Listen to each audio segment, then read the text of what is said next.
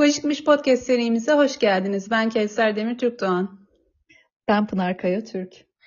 Ee, ben bu yaz TikTok'ta e, Türk videolarına çok sık denk geldim. E, bir video izledikten sonra maalesef ki aynı videoları size göstermeye başlıyor. Benim de başıma bu geldi e, bu yaz ve bir Türk videosu izledikten sonra bol bol Türk videoları çıkmaya başladı karşıma.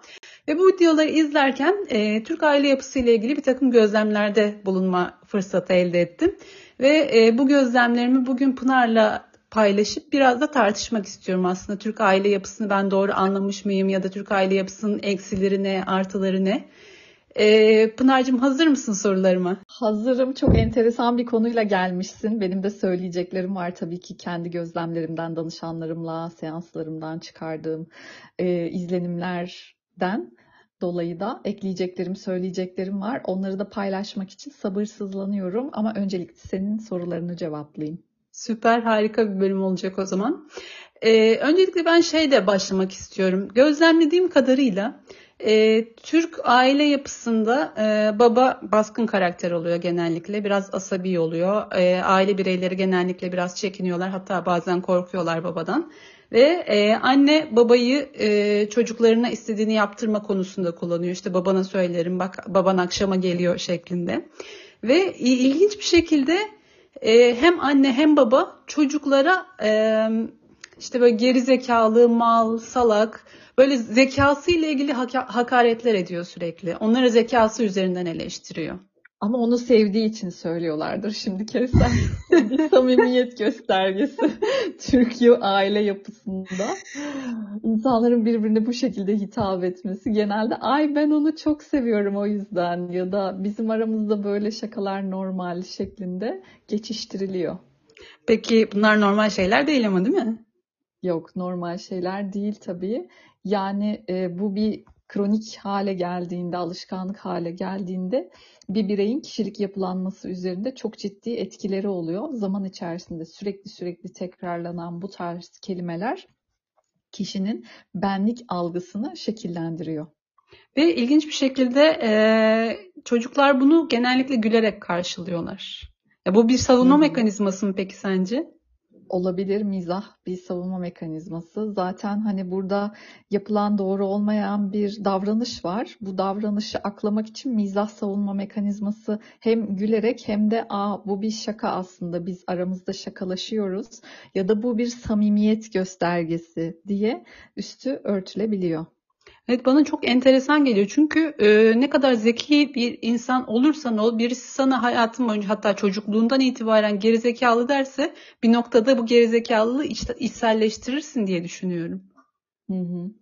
Ya da alışkanlığı sen de devam ettirebilirsin. Arkadaşlarına, çocuklarına gerizekalı diye hitap edebilirsin. E, her türlü hoş karşılamadığımız neticeleri olur. Evet evet ve yine buna benzer bir şekilde e, burada bir cinsiyet ayrımı da gözlemliyorum bu arada. Anneler genellikle kızlarına karşı bunu erkek çocuklarına yaptıklarını e, çok gözlemlemedim. Kızlarının bedenleri üzerinden eleştirilerde bulunuyorlar. Kızlarının bedenlerini beğenmiyorlar. İşte kilosu olur, toplumun çok kabul etmediği bir vücudunun bir yeri işte çok normalden büyüktür ya da küçüktür. Onunla ilgili bir takım eleştiriler getiriyorlar ve bunu çok sık yapıyorlar. Hı hı. Body peki, shaming. evet. bunu neye bağlıyorsun peki? Bu da işte o annenin body shaming'e uğrayarak büyütülmüş olmasıyla bağlantılı olabilir. Ne gördüyse onu uyguluyor. Hatta bunun güzel bir ebeveynlik, normal bir ebeveynlik olduğuna inanıyor. Ee, ve sonra aslında farkında olmadan çocuğunun üzerinde bir takım hasarlar bırakıyor. Sonra ne oluyor? Bu gençler bizim karşımıza yeme bozukluğu yaşarken karşımıza çıkıyor. Bağımlılıklarda karşımıza çıkıyor. Bir takım bağımlılıklar geliştirmiş haliyle. Ya da e, ilişkisel problemler şeklinde işte kendiyle ilgili değersizlik, yetersizlik algıları ve dolayısıyla ikili ilişkilerde, romantik ilişkilerde ya da iş ilişkilerinde yaşadığı değersizlik kaynaklı, yetersizlik kaynaklı içsel çatışmalar şeklinde karşımıza çıkıyor daha sonrasında terapide.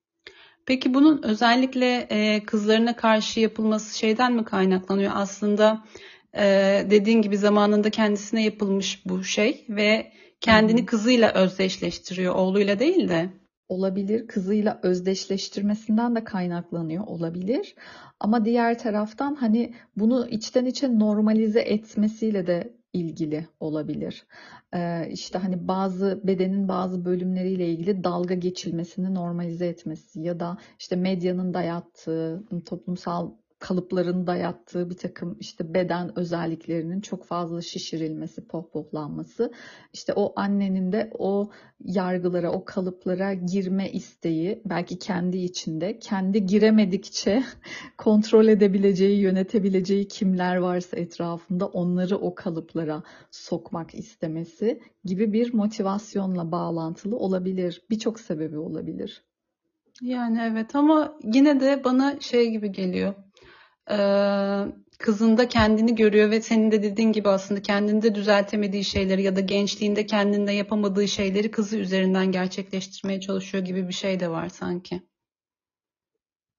Olabilir. Hani şey hikayesi de vardır ya anneler kızlarına e, böyle varlıklı işte statülü eş isterler. Çünkü onların hayalidir daha varlıklı olmak, daha statü sahibi insanlarla evli olmak ama kendileri bunu beceremedikleri için kızlarından böyle bir performans isterler gibi e, bir hikaye de vardır ya.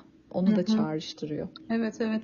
Ama ilginç bir şekilde e, genellikle ailelerin beklentisi e, kızlar üzerinden oluyor. İşte dediğin gibi kızın e, iyi bir eş seçimi yapması, kızın ne bileyim iyi bir bedene sahip olması, kızın şöyle olması, kızın böyle olması ama erkeklerden beklenti biraz daha mı düşük acaba? Yoksa farklı ya, beklentiler mi var?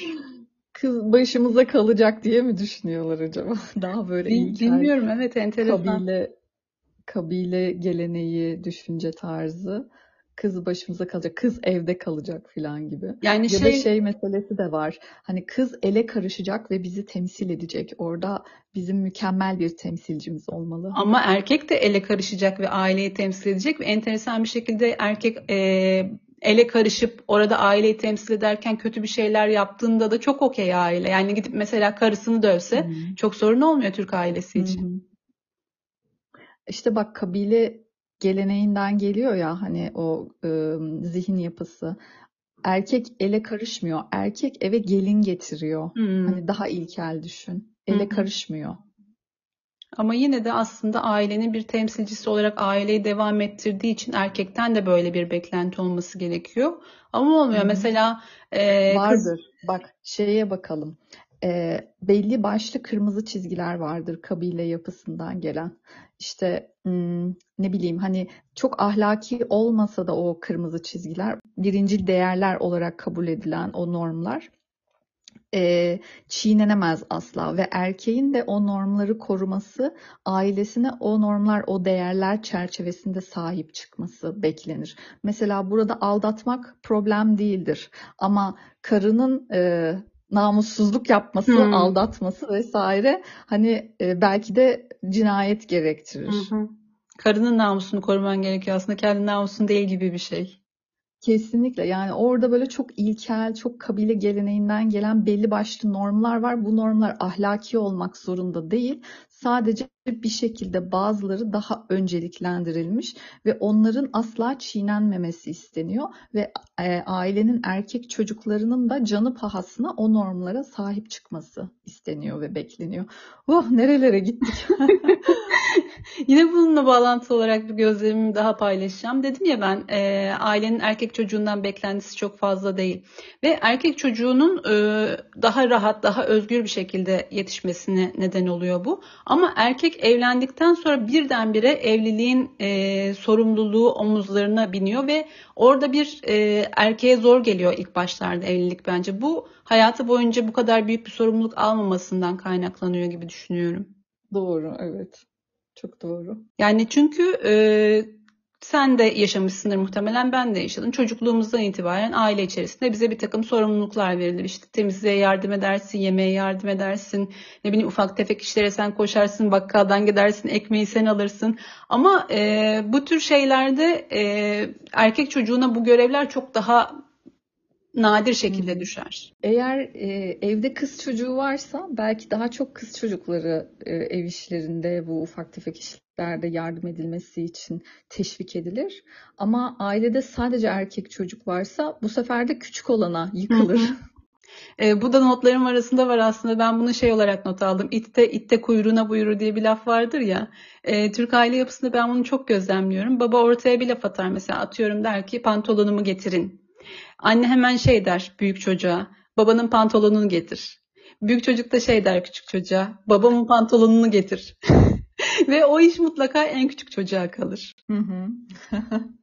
Öyle oluyor işte. Sadece erkek çocuklardan oluşan bir ailede de genelde en küçüğe kalıyor. Evet. Kız erkek karışıksa çocuklar kızlar daha Kızlara çok kalıyor. sorumluluk üstlenmek Kesinlikle. zorunda kalabiliyorlar. Kesinlikle bu yüzden e, işte daha önce de konuştuk aslında evlilikle ilgili konuları. Erkeklerin evlilikte bocalamasının e, başlıca nedenlerinden birisi de bence bu çocukluklarında eve dair, ev e, döndürmeye dair bir takım sorumluluklar almamasından kaynaklanıyor. Hı hı. Doğru. E, ve belki de bunu biraz daha e, örtbas edebilmek için, bunu kapatabilmek için daha otoriter bir e, yapıya bürünüyorlar. Özellikle baba olduktan sonra. Biraz höt höt olursam belki bu açığımı kapatabilirim diye mi düşünüyorlar acaba? Ne dersin? Hmm. Yani rol model de alıyor olabilir kendi Hmm. babasını. Hani baba dediğin böyle olur. Biraz daha sözünü dinleten olur. O yüzden ben de höt höt olayım ki herkes benden korksun ve sözümü dinlesin. Korkuya dayalı bir kültür e, yerleşiyor böylelikle Evet, yapının evet. içerisinde. Bunun da etkisi olabilir ama şöyle de bir şey var. Eğer e, çok şey olursam, sürekli bağırırsam, çağırırsam insanlar bana bir şey demeye, beni eleştirmeye korkarlar. O yüzden Hı hı. e, ben dokunulmaz olayım, etrafımı bir duvar öreyimin de etkisi vardır bence biraz. Olabilir ama şöyle bir beklenti de olabilir. Baba zaten eleştirilmez. Hani böyle temel normlar var ya Türk hı. aile yapısı dediğimiz şeyin içerisinde. Zaten e, default geliyor. Baba eleştirilmez, eleştirilmemelidir. Acaba öyle bir korku var mı bir taraftan da diye düşünüyorum. Zaten default olarak baba eleştirilmez gibi bir bakış açısına sahipse baba eleştirilmez, güçlü görünür, güçlü görünmek eşittir, korku salmaktır filan gibi böyle devam ediyor olabilir mi bu Hı hı. silsile? Evet evet olabilir. Ee, bu bu arada genellikle aile anneler tarafından biraz da yükleniyor e, erkek çocuklarına diye düşünüyorum. Ve aynı zamanda sadece anneler tarafından değil, e, eşleri tarafından da. Pek çok eşte şunu gözlemliyorum. Erkeğe eğer bir zarar vermek istiyorsa eşine, bir e, onu rahatsız etmek istiyorsa ilk söylediği şeylerden birisi sen nasıl adamsın, sen nasıl Hı hı. erkeksin. Orada onun Aynen. erkekliğini, adamlığını sorgulatıyor ve belki bu tetikliyor adamın biraz daha höt höt olmasını.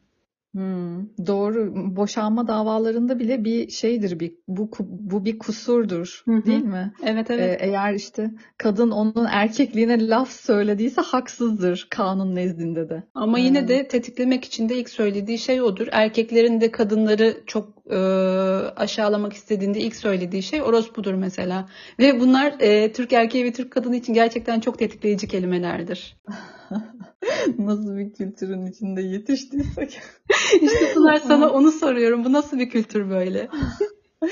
İşte aslında toksik bir kültür. Yani Türk aile yapısı dediğimiz bu gelenekselci yapının da bir anlamda toksik olduğunu kabul etmemiz gerekiyor herhalde.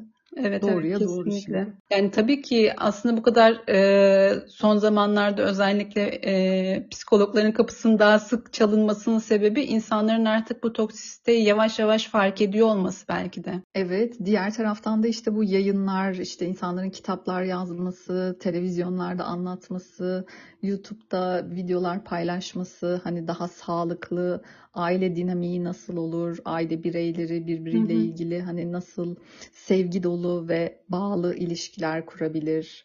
Buna dair hani paylaşımların çoğalması da e, konuyla ilgili farkındalığın uyanmasına yardımcı oldu. O yüzden de bir dönüşüm aşamasındayız sanki şu an. Bir Evet geçiş evet. sürecindeyiz. Çok haklısın. Hatta yayının başında bahsettiğim TikTok videoları bile hani bunlar genellikle e, böyle bir e, dalga geçmek amacıyla ya da işte ne bileyim eğlenmek amacıyla çekilen videolar olsa bile bunlar bile farkındalık yaratıyor insanlarda düşünüyorum. En azından mesela bende bir sorgulamaya neden oldu. Hı hı, doğru. Yani zaten e, değişimin dönüşümün başladığı nokta tiyatrolarmış ya hmm, antik evet. Yunan'da da. İnsanlar bir şeyi fark etsinler, uyansınlar diye. Tabii ki daha dramatik e, tiyatro oyunları sergilenirmiş, ortaya koyulurmuş. Ama diğer taraftan mizah da aynı şekilde hizmet ediyor insanların uyanmasına. Hı hı. E, Türk aile yapısında dikkatimi çeken şeylerden bir tanesi de şu. Çocuk sevgisi inanılmaz yüce bir şeydir Türk ailesine göre. Dünyanın en önemli şeyidir. Çocuk sahibi olmak wow yani herkesin sahip olması gereken bir şeydir. Ve e, karşılıksız sevgiyi temsil eder. Hani çocuk sahibi olduğunuzda onu siz karşılıksız seversiniz. O da sizi karşılıksız sever gibi bir e, anlayış hakimdir. Konuşma sırasında konuşurken bu böyledir. Ama iş uygulamaya geldiği zaman e, çocukların aileleri tarafından sevilebilmesi için bir takım kriterleri karşılaması beklenir. Heh, Düzgün kesinlikle. bir çocuk olman gerekir. Mesela eşcinsel olmaman gerekir. Başlıca kriter budur mesela. Eğer LGBT bireyiysen mesela aileden dışlanman çok normaldir. E hani o zaman karşılıksız sevgi vardı o ne oldu diye bir soru işareti uyanıyor bende. Hı hı. Bu da şimdi yine kaynakların kısıtlı olduğu kabile yaşantısı döneminden geliyor bence. Neden? Çünkü e, bir takım işte kurallar, kanunlar var toplu halde yaşayabilmemiz ve hayatta kalabilmemiz için diyorlar. Ve e, bu kurallara uymayan herhangi bir davranış biçimi, herhangi bir özellik kabul edilemez. Neden? Çünkü sen e, kabilenin sağlığını, varlığını, selametini tehlikeye atıyorsun. O yüzden hani diğer e, bir taraftan biz seni seviyoruz, kabul ediyoruz ama sen de bizim selametimizi düşüneceksin. O yüzden var olan sisteme uyum sağlamaya çalışacaksın. Uyum sağlamazsan ne olur? Hayatta kalamazsın. Neden? Çünkü biz seni sevmeyiz, biz seni dışlarız. Küçük bir bebek için dışlanmak demek e, yaşayamamak demek, ölmek hı hı. demek. O yüzden biz buna programlanmış durumdayız aslında bir taraftan genetik olarak da. E, daha minnacık bebekler böyle ebeveynlerinin gözlerinin içine bakarak onların neyi onayladığını, neyi onaylamadığını anlamaya başlıyorlar ve sonrasında da bütün hayatlarını buna göre programlıyorlar. Onların onaylamayacağı bir şeyi zaten içten içe biliyor ve yapmıyor ve böylelikle özüne sırtını dönmüş oluyor özüne ihanet etmeye başlamış oluyor.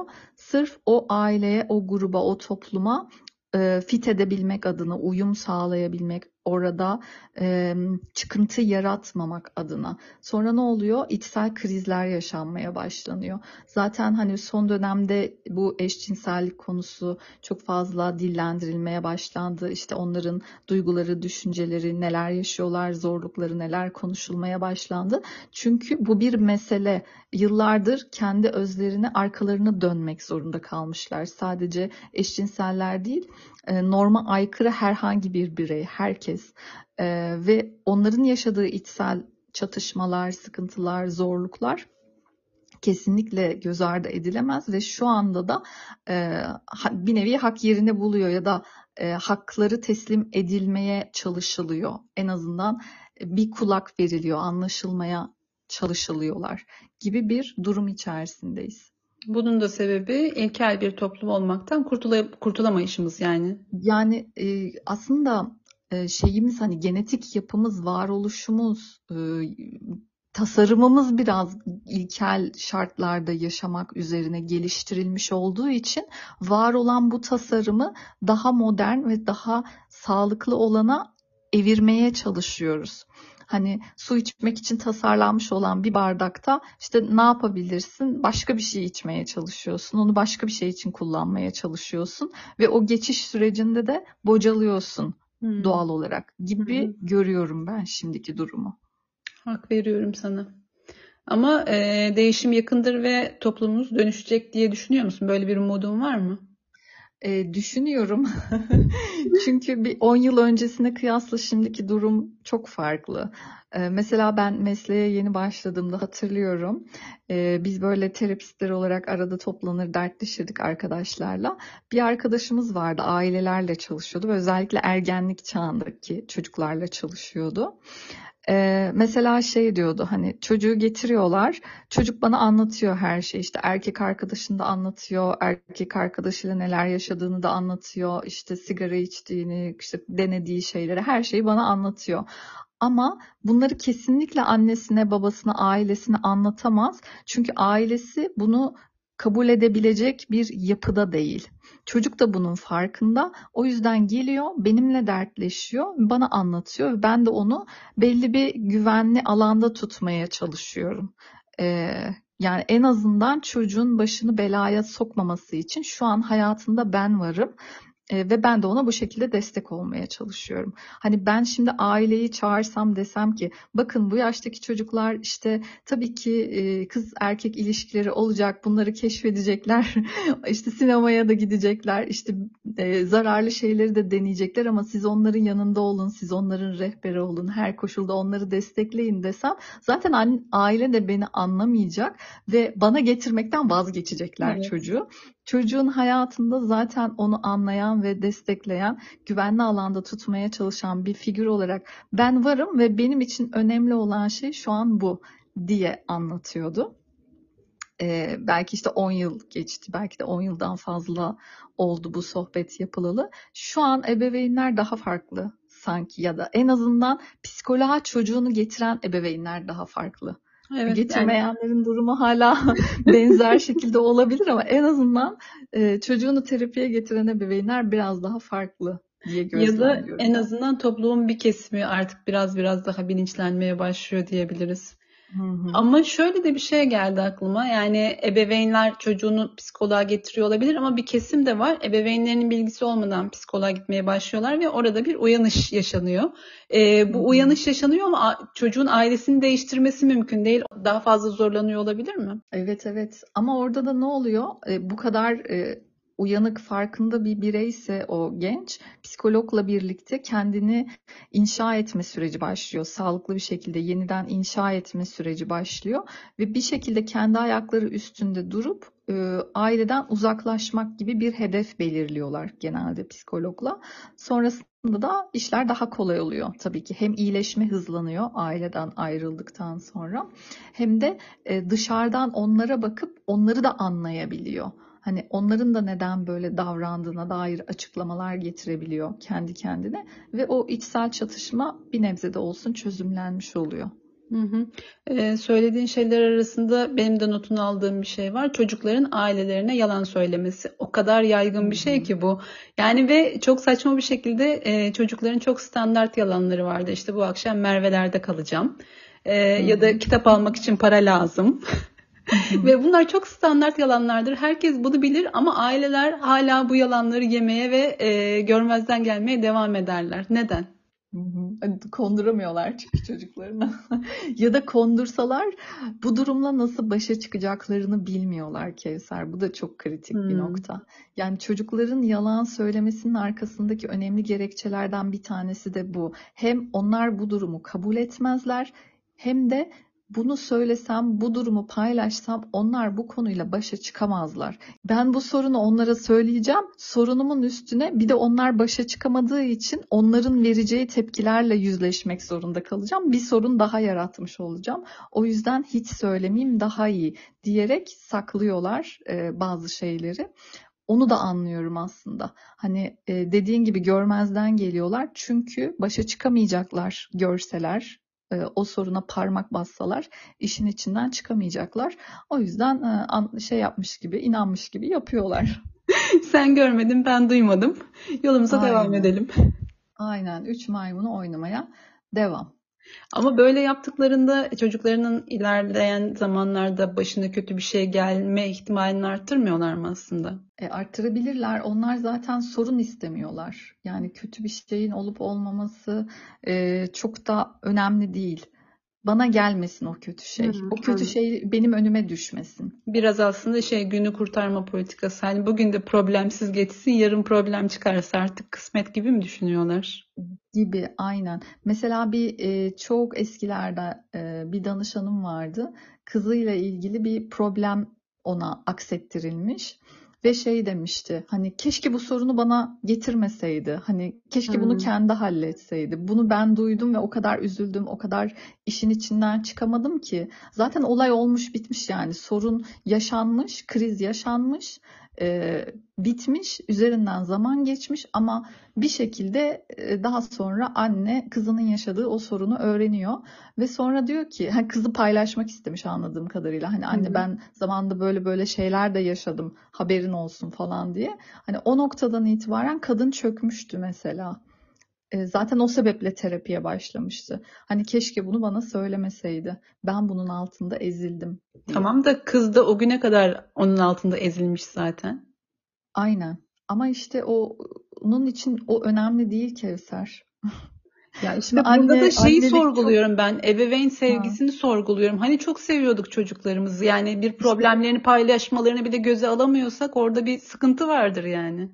işte işte o sevgiyi daha dikkatli, daha detaylı incelememiz gerekiyor. Diyeyim ve bir sonraki bölümde ebeveyn sevgisi gerçek midir sorusuyla tekrar bir araya gelelim. Tamam, bunu da ayrı bir bölümde ele alalım. Bir tane daha gözlemim var. Ee, Türk ailelerinde kimsenin kişisel alanı yok. Yani e, zaten aslında e, genellikle evlerin küçük olmasından kaynaklı olarak pek çok çocuğun odası yoktur ama odası olsa bile o kapı kilitlenmez, kapı açık kalır ya da kapı kapatılsa bile aniden birisi girebilir. Yani hiç sorun değil, kapı tıklatmak vesaire gibi bir kültür kesinlikle yoktur. Hı hı. Bu özel alanın olmayışı insanların kişiliklerini ya da psikolojilerini nasıl etkiliyor sence? Tabii çok olumsuz etkiliyor. Muhakkak.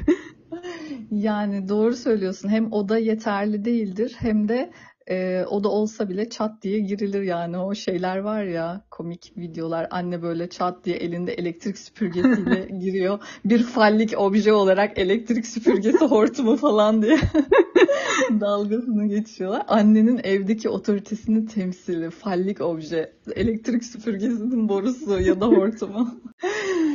Yani orada da bir mesaj veriyor belki de. Hani çok da yaymayın kendinizi. Ben, benim gözüm her an üzerinizde gibi bir mesaj vermeye çalışıyor belki. Ya muhakkak öyle ama yani e, bu çok güvensiz hissettirmiyor mu insanları sürekli bir tetikte olma duygusunu yüklemiyor mu Yüklüyor çocuklara işte daha çok. ortam. Türk aile yapısı toksiktir arkadaşlar. Beklentim yüksek olmasın yani bu konuda. Aynen. Yani toksik yapının bir parçası da. Kendi özerk e, alanının olmaması, kendini rahat hissettiğin bir alanın olmaması. E, maalesef bu yapının bir parçası. Yavaş yavaş değişiyor ama. Umudumuz var öyle diyelim. Ben de öyle umut ediyorum. Ee, bir de son olarak e, babalarla ilgili gözlemlerimi söyledim. Annelerle de ilgili şöyle bir gözlemim var. Birkaç gruba ayırıyorum ben anneleri. Ee, kimisi şey böyle baba karşısında susan ve her türlü e, zorluğa katlanan işte çocukların problemini babanın kulağına gitmeden e, çözmeye çalışan ezilen bir anne. Bir tanesi ezilmese bile kendini kurban rolüne sokan anne. Ben öleyim de kurtulun. Zaten e, işte şey e, her şey de benim başıma geliyor şeklinde. Yani çok kötü bir şey yaşamasa bile en kötü onun hayatı gibi davranan bir anne var. E, bir tane de sinsi anne modeli var. E, bu da böyle şey sürekli kulağı kapılarda işte çocuklarının e, her şeyini duymak isteyip bilmek isteyip ve belki zaman zaman bunu onlara karşı hatta belki eşine de aynısını yapan bir anne modeli var. Senin bunlara eklemek istediğin ya da bunlarla ilgili söylemek istediğin şeyler var mı? Benim eklemek istediğim benim anne modelim. Mesela benim annem de çok küçükken hatırlıyorum. Ee, ben hasta oluyorum, ben hastayım, ee, işte beni üzüyorsun, hasta oluyorum şeklinde manipülatif bir anneydi. İstediğini yaptırmak için hasta olduğunu e, iddia eden, hani hasta olduğu için e, kötü durumda olduğunu Hmm. iddia eden. Benim e, kurban anne olarak kategorize ettiğim anneye biraz yakın aslında bu. Yani orada manipülasyon var mı peki Evet var. annede? Ha, Yani tamam. kötü durumda olmasa bile çok ufacık bir problemi çok kötü durumdaymış gibi gösterip bunu insanlara yani çevresindekilere karşı kullanan anne modeli. Hmm, tamam. O zaman oraya giriyor, o kategoriye giriyor. Sonra ben üzülmeye başlamıştım böyle benim annem ölecek mi falan diye. Sonra yapmamaya başlamıştı. Çok iyi hatırlıyorum ben küçükken. En Çocukluk travmalarımın içerisinde böyle bir tanesi de vardır yani. En azından e, bunu fark etmiş. Ee, başka ekleyeceğim şu an aklıma gelmiyor aslında ama güzel kategorilemişsin. Ama ilginç olan e, bu kategoriler arasında çok iyi bir anne modelinin olmayışı maalesef. Hmm, sağlıklı anne modelinin Evet. olmayışı. Doğru. Yani tabii ki muhakkak hepimizin anneleri dünyanın en iyi annesidir. Bunun dışında bir cümle duyamazsın herkesten. Ama herkesin annesini dünyanın en iyi annesi olarak adlandırması da aslında bir problemi işaret etmiyor mu sence? Hmm, öyle ya terapiye gelene kadar herkesin annesi dünyanın en iyi annesidir. Sonra ak koyun kara koyun ortaya çıkıyor.